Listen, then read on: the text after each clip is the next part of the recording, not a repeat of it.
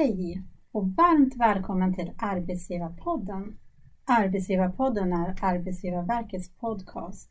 Med podden vill vi belysa olika perspektiv, inspirera och sprida kunskap inom områden som har anknytning till arbetsgivarfrågor. Arbetsgivarverket är medlemsorganisation för statliga arbetsgivarna. Mitt namn är Charlotte Jonsson och jag leder dagens samtal med våra gäster. Idag ska vi ägna avsnittet åt att diskutera innovation och HR. Hur skapar vi ett klimat och en kultur på våra arbetsplatser som stimulerar till nytänkande och innovation? Vilken roll har HR i detta? Med mig idag har jag två gäster. Leif Denti, doktor i psykologi och lektor vid Göteborgs universitet. Hej! Ann-Charlotte Jensen, kollega till mig som jobbar som rådgivare på Arbetsgivarverket och har lång bakgrund som personalchef i offentlig och privat verksamhet. Hej hej! hej. Kul att ni är här Mm. Jättekul. och eh, varmt välkomna till Tack. podden. Innovation är ett brett begrepp och på allas läppar. Och jag undrar Leif, hur du, vad du menar med innovation? Mm. Speciellt eftersom man har kopierat in innovation från privat sektor till offentlig sektor så måste man ju definiera det på något sätt, eller hur? Ja, precis. Um, det uppfanns ju på 30-talet av Josef Schumpeter. Han menade att om ett företag tar fram en produkt som säljer bra, Mm. då skapar de sig ett så kallat tillfälligt monopol på marknaden som Okej. liksom väger upp för den risken och de pengarna som det kostade att eh, ta fram den här produkten. Mm. Så att när Apple släppte sin första smartphone 2007 då, var de liksom, då hade de monopol på smartphone-marknaden i två år innan HTC släppte sin. Just det, Ja. innan de andra kommer ikapp. Innan eller? konkurrenterna Mm. kommer ikapp. Mm. Då kan man, man kan ha mono, tillfälliga monopol på ny teknik eller man kan ha på den billigaste produkten. Mm. Sådär, va? Det finns olika. Och det här är ju någonting som vi i offentlig sektor inte, vi jobbar ju inte så alls. Nej, Liksom. Det är svårt att ha lite monopol. Nej, precis. Mm. Utan för oss så handlar det snarare om att vi ska ta fram nya, kanske varor, kanske tjänster eller arbetssätt och Mm. jobba smartare för att spara tid för oss själva och sånt där. Ehm, Så gillar jag Innovationsrådets definition på innovation. Och hur lyder den då? Någonting nytt som skapar nytta. Mm. De släppte sin SOU eh, 2013. Mm. Den heter Att tänka nytt för att göra nytta helt enkelt. Precis, så någonting nytt som skapar nytta. Ja, och då Mm. finns det två viktiga ord där förstås. Nytt och nytta. Precis. Och då kan man ju säga så här, vad är det som är nytt då? Jo, då kan det vara en ny vara, alltså att ett landsting tar fram en ny sak som Mm. gagnar patienterna till exempel. Mm. Um, eller en ny tjänst, Mm. till exempel Skatteverkets e-tjänster, det tycker jag är ett bra exempel på det. Precis. Eller det kan också vara nya arbetssätt, att vi väljer att organisera oss på ett nytt sätt som gör att vi sparar tid. Um, eller kanske till och med gör medborgaren eh, nöjdare. Nytta för medborgarna. Nytta för medborgaren. Det är ju någonting som är viktigt för oss inom staten. Mm. Verkligen. Mm. Verkligen. Precis. Kanske själva ordet innovation ibland kan klinga fel, att man behöver den här översättningen. Vad innebär det Mm, i staten? det, det har jag verkligen. Mm. Ja. eh, viktigt tror jag. Precis. Mm. Nytt som skapar nytta. Mm. Då Ja. har vi det som plattform. Ja. Så. ja, vad bra. Det är ju så här att du Leif har ju kommit ut med en ny bok som Mm. handlar just om innovation och HR.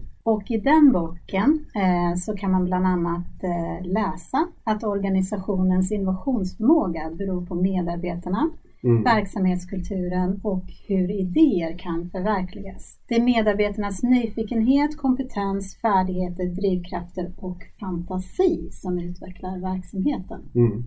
Och eh, kan inte du förklara på vilket sätt HR och inno- innovation är så nära sammanlänkande? Mm. Alltså, i och med att det är medarbetarna som, som i stort sett, vem ska ta fram de här idéerna? Det är medarbetarna som tar fram dem, det är ingen Mm. annan liksom. Eh, så har ju HR en jättestor roll i att liksom se till så att det finns förutsättningar på plats som gör att man vill bidra med sina idéer. Mm. Det är nämligen så att vi, vi har alla två händer här i världen. Med ena handen, med högerhanden, då ska vi, då ska vi liksom göra vårt dagliga arbete. Att det är alla mejlen som vi ska besvara, det är alla rapporter vi ska skriva och sånt där. Va? Det är verksamhetens hand. Mm. Och den är viktig här och nu. Mm. Och sen så ska vi försöka titta på framtiden också med den andra handen. framtidens hand eller innovationens hand. Skapa det nya. Precis, skapa Mm. det nya. Då är det så här tyvärr att de här två händerna krockar med varandra hela tiden. Mm. Så att om jag som medarbetare ska lägga tid och energi och kraft på vänsterhanden Mm. då måste jag börja förhandla med min egen högerhand. Hur mycket tid kan den släppa ifrån sig helt Mm. enkelt. Mm. Um, och då, den, den ekvationen den går ofta inte ihop därför att här och nu är ofta viktigare än sen helt enkelt. Det Men är så. det där du tänker att HR ska hjälpa Ja, till precis. Så med? då, då behöver vi bygga de, de stödjande strukturerna, de Mm. förutsättningarna Mm. eh, som gör att vi kan, att, att, att folk känner att nu är det värt, nu kan jag, nu har jag möjlighet att Mm. använda vänsterhanden. Mm. Det är, inte så att, det är inte så att medarbetare är okreativa eller opåhittiga utan det är att de, det finns alltså hinder och Mm. trösklar som gör att I man inte... organisationen Ja, helt precis. enkelt. Jag tänker att förväntningarna i organisationen på att medarbetarna ska vara innovativa är Mm. jätteviktiga Ja, att klargöra precis. i det här sammanhanget. Både ledning och medarbetare så alla vet vad som gäller. Mm. Precis. Du lyfter fram fem faktorer i Mm. din bok som är särskilt viktiga för HRs roll i innovationsarbetet. Vad är det för faktorer och varför är just de viktiga? Med den här boken så, så har jag försökt att liksom göra någonting nytt för HR. Mm. Jag har försökt att ta forskning som kommer ifrån andra, andra trådar. Psykologi, eh, företagsekonomi och sådär. Mm. Och så har jag försökt att liksom visa för HR vad, titta här, det finns massa grejer som vi vet fungerar när det kommer till innovationsförmåga som, som ni faktiskt kan göra. Och då har jag identifierat fem områden kan man säga. Och det första området är naturligtvis medarbetarna och deras kompetens. Eh, kompetens är den största enskilda prediktorn för innovation i en organisation. Mm. Motivation är också viktigt, kultur är också viktigt, men kompetens är den viktigaste. Mm. Okej. Eh, och det är ju uppenbarligen en HR-fråga hur man Mm. rekryterar till sig kompetens och hur man utvecklar kompetens. Mm. Och att arbet, arbetsmiljön stöttar eh, Mm. det här. Jag tänker också att samla kompetens som är svår att få, att man eh, också samarbetar med olika specialister som du är inne Mm, på också. precis. tycker jag är väldigt spännande att ett plus ett är inte alltid två utan Nej, tre. precis. Hur man får fram nya tankar, nya idéer. Hur organiserar Mm. man arbetet så att Mm. olika specialister möter varandra Mm. och delar kompetens? Mm. Att man har den här, eh, kanske belöningar för att dela kompetens och Mm. dela med sig. Exakt. Det, Okej, det var nummer ett. det var nummer ett. Nummer Nummer, två då? nummer två är hur vi mäter och belönar kreativitet i våra orga- organisationer. Mm. Det finns en, ett ganska stort antal mätinstrument nu som mäter både objektiva, antalet nya idéer, antalet nya tjänster och sånt där. Men även subjektiva eh, indikatorer som till exempel den globala uppfattningen om sitt team till exempel. Sådana Mm. saker. Det finns väl validerade frågeskalor nu. Um, så det är viktigt att vi mäter det här och ser till så att vi hela tiden kan bli bättre på det. Och hur vi belönar det spelar också roll för att det visar sig att kreativitet beror på inre motivation. När man belönar någonting som beror på inre motivation med pengar till exempel då får man någonting som kallas för motivation crowding, väldigt intressant effekt. Det är därför som man inte får, man får inte fulla värdet av sina, eh, när man går till blodcentralen så får man inte eh, en tusenlapp. Eh, ni vet att blod är värt 1200 spänn per påse ungefär. Mm. Men man får, man får en sketen t-shirt liksom, eller en trisslott. Mm. Och det är ju för att skulle man ge folk en massa pengar för att gå dit, då skulle faktiskt folk gå dit mer sällan. Mm. Hur vi belönar innovation är väldigt viktigt. Vi måste belöna det på rätt sätt så att vi stärker folks interna motivation. Mm. Nummer tre är ju ledarskapet naturligtvis. Ehm, och här har ju en ledare naturligtvis väldigt, väldigt stark påverkan på ifall medarbetarna känner att de vill komma med sina idéer, om de känner att det är fritt fram eller om man blir bestraffad om man skulle göra ett misstag eller ha fel till exempel.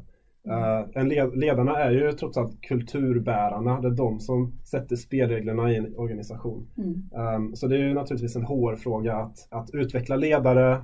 Uh, sådär. Så, i, så i boken har jag, har jag listat ett ganska så stort antal kompetenser som man har sett i forskningen uh, en innovationsledare har. Då. Mm. Nummer fyra, det är kulturen naturligtvis. Och framförallt, jag skulle säga i offentlig sektor, nu kanske jag låter uh, krass eller sådär men vi har ju en slags man får inte göra fel kultur. Absolut. Och det är för att vi hanterar andras pengar helt enkelt. Vi, ja, Styrs precis. av regelverk. Mm. vi styrs av regelverk, vi hanterar Mm. andras pengar. Och det finns dessutom nummer tre, det finns, det finns flera som bryr sig om resultaten här. Mm. i ett privat företag så är det aktieägarna som, som, som är de slutliga Mm. eh, intressenterna. Men här har vi politiker, vi har medborgare, Mm. vi har journalister som Mm. också lägger sig i med vad som är nyttan med våra Mm. åtaganden och sånt där. Mm. Jag förstår att det har blivit Mm. så här men eh, samtidigt så, så är den här nollfelskulturen någonting som Mm. verkligen eh, hindrar nya idéer från att komma Mm. upp. För att Att man, det bygger rädsla, eller? ja precis, Mm. man vill inte få den här kallduschen. Mm. Finns det ett pris på att misslyckas, då Mm. hamnar det ganska så snabbt. Då hindrar det oss. Och betyder det då att man måste vara modig för innovation? Ja, precis. Det viktigaste är ju att cheferna är modiga och Mm. i stort sett ställer upp på att vissa Mm. saker, eh, vissa fel måste vi få kunna begå. Mm. Liksom. Precis. Och vara uthållig, eller hur? Ja, För precis. att långsiktigt ska det här leda till att vi spar pengar. Vi blir Mm. både Ja, bättre och precis. sparar pengar. Mm. Så att vi är ju måna om skattebetalarnas pengar. Mm. Men innovation ska ju leda till bättre Mm. Mm. produkter. Till bättre pris kanske till och med. Ja, precis. precis. Och den Eh, sista faktorn då? då? Nummer fem Mm. är eh, hur vi organiserar oss. Vilka strukturer som bör, finnas på plats. Mm. Um, och jag, jag upptäckte att det finns liksom en, ett slags magiskt tänkande kring innovationsförmåga. Att man, att man från topp, eh, toppledningshåll tror att det räcker att bara önska sig innovation och så kommer det uppstå spontant som svampar i skogen liksom. Men eh, det är ju inte så alls att det funkar. Utan som sagt, vi är fast, vi, vi har de här två händerna. Vi har högerhanden som, som är verksamheten här och nu. Mm. Vi har vänsterhanden som är framtiden. Och vi måste kunna, vi måste stödja upp, vi måste bygga en ställning, man ska säga. Så. Så, att de kan samarbeta. ja, så, att, så att höger och vänster kan funka tillsammans. Ann-Charlotte, Mm. alltså, det, det låter ju som att du håller med, men jag tänker Mm. utifrån din långa erfarenhet med HR-arbete, Mm. Fritt spelrum här eller? Jag, jag håller helt med och Ja. jag tycker att ibland pratar man om HR som en mjuk och fluffig verksamhet. Mm. Eh, Men här ser vi ett exempel, ett av många exempel på HRs hårdvaluta Mm. och som verkligen bidrar till business. För det här är otroligt viktigt att Mm. prata innovation. Att HRs uppgift är ju, jag tycker att det här är en arbetsgivarfråga, att Mm. HR driver frågan och hanterar den tillsammans med ledningen Mm. och bestämmer hur ska vi jobba med innovation, vad har vi för förväntningar Mm. och att liksom förbereda kulturen, att inte bara tänka som du sa här Mm. innan att nu rekryterar vi in ett antal innovativa medarbetare som Mm. vänder i dörren om vi inte har en miljö som stödjer innovation. Ledarskap, kultur, medarbetarskap, kommunikation, Mm. otroligt många bitar. Mm. Mm. Men jag tycker ju att HR har redskapen eller verktygen för det här Mm. arbetet. Mm. Eh, Men hur ska. HR göra för att, för att liksom få den rollen då, som du säger, att jobba nära ledningsgrupper? Att ta frågan till ledningen, att förklara fördelar och vinster med det här jobbet. Mm. Förklara vilka utmaningar som ligger och vilka hinder som finns så man inte är omedveten om det. Och att samtidigt marknadsföra vilka redskap HR har. Hur kan Mm. vi stötta den här processen? Mm. Eh, det måste alla veta, hela organisationen och chefer också. Vilket stöd har jag? Mm. Man ser ju ibland att, att HR-funktionen är ganska liten i vissa organisationer och väldigt mycket delegerat ner till cheferna. Mm. Eh, Vilket kan innebära till exempel i rekryteringar att man tar den gamla annonsen och gör om exakt.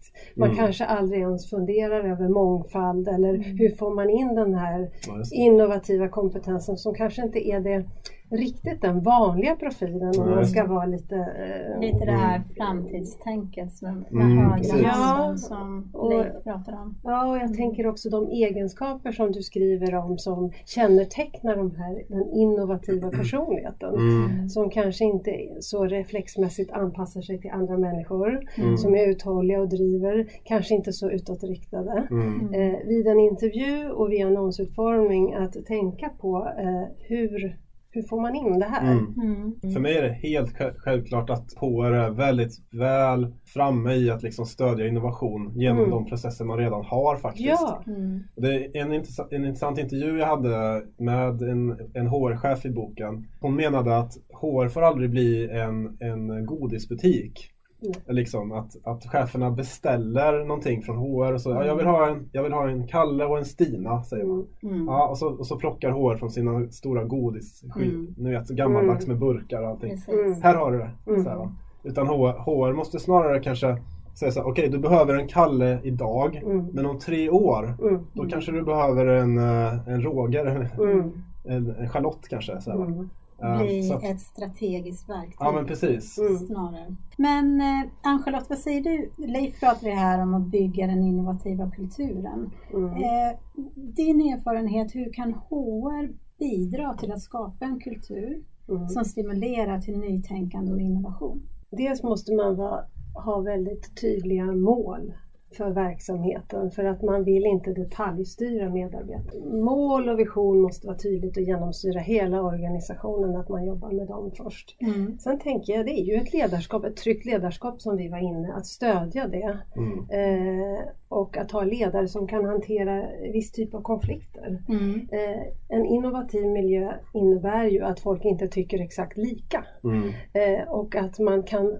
ha den säkerheten som chef att hantera gruppklimat. Mm. När går man över gränsen? När är det personangrepp? Eller när är det bara en väldigt bra diskussion? Mm, när, man, precis. när man liksom pr- prövar idéer mot Mm. varandra. Man behöver inte Mm. hålla med. Mm. Sen är det här också med att inte detaljstyra. Mm. Var vi inne lite på förut, att, att då är det viktigt att målen är... Nej men HR har ju kompetenser inom både hur man attraherar kompetens, rekrytering, hur man utvecklar och behåller. Och Mm. det är ju det här vi pratar Du Leif, vad säger forskningen om, om innovationskulturer? Vilka är de tre, om du skulle nämna Mm. tre, framgångsfaktorer? Bra fråga. Eh, Jag skulle säga att det, det finns ju kanske 15 sådana här klimatmodeller redan. Eh, Och det är väldigt väl, vi, vi vet väldigt väl vad som är en innovationskultur. Mm. Eh, Så en av de här tre är hur man förhåller sig till risk helt enkelt. När vi ska skapa någonting nytt som, vi, som ska skapa nytta Mm. så vet vi inte om vi kommer att lyckas. Det är inte garanterat. Eh, den här nyttan, alltså, så egentligen borde innovationsrådets definition vara Innovation är någonting nytt som vi tror och hoppas skapar nytta. Precis, liksom. för då lägger man in risken. För vi kan aldrig Mm. veta. Mm. Mm. Ehm, så man kan nästan räkna med att alla innovationsprojekt är, har någon slags risk förknippat med sig. Mm. Eh, och det är därför som det är den här, jag skulle nästan säga den viktigaste faktorn i, i statlig sektor är den här, att, att man måste få kunna göra fel. Mm. Det är att göra skillnad på fel och fel. Mm. Berätta, Vi gör, vi gör två listor Mm. Och så säger vi så här att det finns röda fel som man absolut inte får begå här i organisationen. Eh, det kan vara vi får inte bryta mot lagen. Mm. Vi får inte eh, vara korrupta. Mm. Liksom. Mm. Eller ta emot mutor. Eller liksom, det finns vissa Precis. saker. Vi får inte kompromissa på det där. Vi får inte Mm. skada någon. Så. Mm. Men vi måste kunna göra en lista med gröna fel också. Som är fel som vi kan acceptera Mm. kommer att inträffa ibland. Till exempel, vi måste kunna få göra någon förbannad. Mm. Eh, vi måste kunna få se en insändare i DN till Mm. exempel, eller. GP. Mm. Ehm, vi måste kunna få, få en sur reporter. Mm. Janne Josefsson måste kunna ringa till oss och ställa frågor. Mm. Ehm, Helt enkelt, man måste kunna få kalibrera, Ja, vi måste kunna kalibrera. Mm. Eh, utveckla verksamheten. Ja, Mm. och det, och det är för att den här, den här listan på gröna fel, den skapar handlingsutrymme till oss. Mm. Mm. Den, det gör, vi får helt plötsligt kort på handen och spela spelet Mm. med. Mm. Vi vet vad vi riskerar. Mm. Och det här kommer från en forskare som heter eh, Sara Sarasvati. Hon har forskat Mm. på någonting som kallas för effectuation. Mm. Att entreprenörer, de tar risker, men Mm. de tar bara risker med det de vet att de kan förlora helt enkelt. Mm. Mm. Um, så det, det är den, den absolut viktigaste Ja. faktorn skulle jag säga. Det är väl någonting viktigt för oss, Ann-Charlotte, vad säger du om Absolut. det här som du också sa, att, att få göra Ja, fel? skapa Den trygghet. Det skapar en trygghet. Ja. Jag tror ju också på att man behöver vara väldigt skicklig på kommunikation, både Mm. medarbetare och Mm. chefer. Mm. Eh, just hela tiden så att alla känner sig delaktiga, alla känner till vad som Mm. är okej och inte. Mm. Och att det är en, Mm. en eh, kultur som lever. Mm. Mm. Varumärket, man Mm. känner vad den här myndigheten vill och, Mm. och att man är tydlig. Mm. Precis. Okej, nu är vi nyfikna höra på Mm. Nästa. nummer två och tre Ja, här precis. nu Jag vet i inte om jag har framgångsfaktorerna. N- Nummer två skulle jag säga är debatt som du varit inne på Ann-Charlotte. Mm. Att eh, man måste få kunna diskutera nya Mm. idéer ganska så Mm. hårt med varandra Mm. eh, och faktiskt kritisera dem. Mm. Skjuta ner ibland om det skulle behövas. Mm. Och där handlar det om att där, där måste vi släppa på prestigen helt enkelt. Mm. Uh, och det tycker jag att universitetet är väldigt bra på att göra det. Som till exempel när jag skriver, jag skriver hela tiden forskningsansökningar, jag söker pengar. Då jag skickar ut utkastet till mina kollegor och sen så träffas vi och så vad som händer då när vi träffas, det är att de sågar mina, mina, min forskningsidé längs med folknölarna. Så att den ska en bli hel, bättre? Ja, en hel mm. timma. Mm. Och jag står vid tavlan och jag säger, ja ah, vad bra, tack så mycket, tack så mycket. Mm. Mm. Jaha, okej, Mm. metoden då? Nej, vi ska dubbla, okej, Mm. bla bla bla. Det handlar ju om en prestigelöshet du pratar Ja, om. precis. Mm. Och vi måste förstå det att våra idéer är inte perfekta Mm. när vi får dem. Mm. Utan de, det är oslipade diamanter och vi måste Mm. använda andras kompetens för att göra dem till någonting som faktiskt kan fungera. Då, liksom. Mm. Um, och det är någonting man får lära sig. Det, det är så vi drillar våra studenter. Mm. Du vet, man ska opponera sig. Man ska, man ska, och när man disputerar så ska man Mm. också Precis. kritisera. Så här, va? Och jag tänker Så- använda andras kompetens. Det var väl lite det du pratade om. Att, Mm. att man hjälper varandra, man delar sin Ja. kompetens. Och, Ja, och belönas för det så att Mm. man tycker det är värdefullt också. Mm, Precis. precis. För risken är ju att man drar sig till likasinnade och sitter och pratar och håller med Mm. varandra. Mm. Men att ha projekt där man sätter ihop olika kompentenser och ser vad det Mm. blir och kan, Mm. kanske börja i liten skala. Mm. Att våga pröva Precis. nytt och inte vara så rädd för Mm. eh, går det här bra eller inte. Kanske att undvika perfektion, alltså tanken om perfektionism. Mm. Precis. Precis. I de här felen. Learning by doing. Mm. Precis. Och att belysa frågor från alla olika vinklar. Mm. 360. Just, Mm. just. eh, tänker jag. Måste Mm. ha Mm. med mm, skapa innovation. Mm, precis. Den tredje då? Ja, Jag skulle bara säga att kreativitet är ett verb väldigt mycket. Mm. Um, det är inte så att, ni vet eh, Arkimedes, den här nakna karln i badet. Mm. Han har ju skapat ett antal myter kring kreativitet. Till Mm. exempel att när han fick sin snilleblixt Mm. i badet och Mm. hoppade upp i badet. Grejen var att den idén han fick, den var perfekt. Mm. Den löste hans problem perfekt. Utan att behöva, behöva Mm. arbetas om. Eh, och det, det är en jätteolycklig myt. Han har ställt till det Ja. för oss andra. Vi- Vi, vi, man, kanske har ett, man kanske har ett embryo till en bra idé. Mm. Men då gäller det då att vi arbetar med den. Vi, vi, jag pitchar den för er kanske. Mm. Vi träffas. Mm. Ni får ge era synpunkter. Vi jobbar om. Mm. Det är så man jobbar. Det, Precis. det är jobb liksom.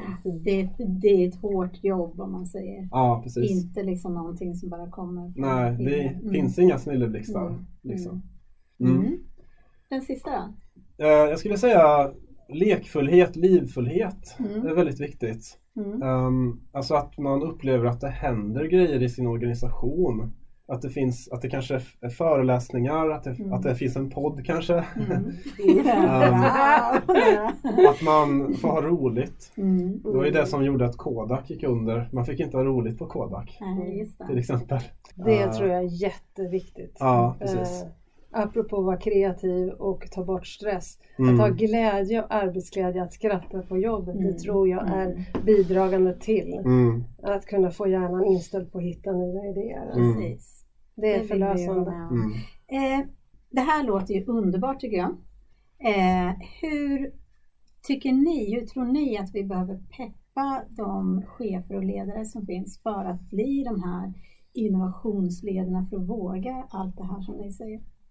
Visa att de har bra stöd. Man måste marknadsföra HR internt, vad man kan bidra och sälja in idén. Mm. Det gäller att vara Mm. kreativ här också tror jag. Mm. Och visa vinster. Mm. Och vad händer om vi inte gör det här? Mm. Och vem vill jobba på en myndighet som inte vill ta tillvara medarbetares idéer? Nej. Alltså var hamnar vi till slut? Mm. För jag tänker varumärket som du varit inne på, eller du skriver om i din bok också Mm. Leif. Att liksom det är vad medarbetare säger, det är vad allmänheten säger om oss. Det är Mm. sociala Mm. medier. Vi måste leva vårt Mm. varumärke. Vi, vi kan inte bara säga att vi är en modern myndighet eller vi är så innovativa. Vi måste visa att vi är det Vi i vardagen. Bygga det inifrån. och Bygga inifrån. Mm. Mm. Eh, vilka hinder då behöver tas bort? Du var inne lite på det, vi har pratat lite om Mm. fel, Mm. den här felkulturen. Finns det någonting annat som vi behöver lyfta bort för att komma till det här? Ja, alltså jag skulle säga att alltså alla typer av trösklar. Mm. Ehm, för det, är- det är väldigt intressant hur, det hur vår energi fungerar, alltså våran, våran ork under dagen. Det kom ut en bok 2010 som, där forskare Baumeister tog hand, liksom, forskat på just hur våran viljestyrka, våran ork fungerar. Mm. Ehm, och det, vi har bara en viss mängd eh, energi om dagen. Liksom. Mm. Och vi är väldigt bra på att göra, vi gör en liten bedömning över hur, hur mycket energi skulle det ta mig att göra just den här arbetsuppgiften. Ehm, så ta, tänk er nu följande scenario. Ni ska, det är lördag och ni ska dammsuga hemma. Mm. Och så är det så att era män har stoppat in dammsugaren i garderoben så att ni måste dra ut en massa bråte för att komma åt. Okej? Då blir det inget dammsugare. Och sen så ska ni byta dammsugarpåsar också. Mm. Men ni vet inte vart dammsugarpåsarna ligger. Mm. Ni måste leta upp dem. Mm. Ni är tre steg bort nu från att Mm. dammsuga. Mm. Och varje sån här grej är en tröskel Mm. Som ni måste spendera energi för att komma förbi. Ehm, och då naturligtvis som du redan är inne på, chansen minskar att det blir. Och det är samma sak i en organisation att om man som medarbetare inte vet svaren på ett antal grundläggande frågor, till exempel Mm. vem ska jag gå till om jag har en idé? Mm. Vart finns det pengar? Mm. Um, jag, har, det finns, jag har hört talas om att det finns något så här system som fångar in typ en idélåda, men vart är den då? Jag vet inte. Typ. Mm. Alla de här grejerna, det är dammsugaren i garderoben. Mm. Mm. Och då kan det bli som så helt plötsligt att man, man känner att jag har inte, jag har varken tid eller energi Mm. att hoppa över de här Mm. trösklarna liksom. Så då blir det inte gjort. Nej, då blir det Så, inte gjort. nej. Så att det är därför det är så viktigt. Mm. Det knyter an till det här Mm. femte området, att vi måste, hur vi måste se till hur vi organiserar oss. Ehm, så att vi, bygg, vi måste bygga enkla tröskelfria processer så att man snabbt och enkelt kan eh, skicka sin idé någonstans utan för mycket administration kring det. Och att den blir omhändertagen. Ja, precis.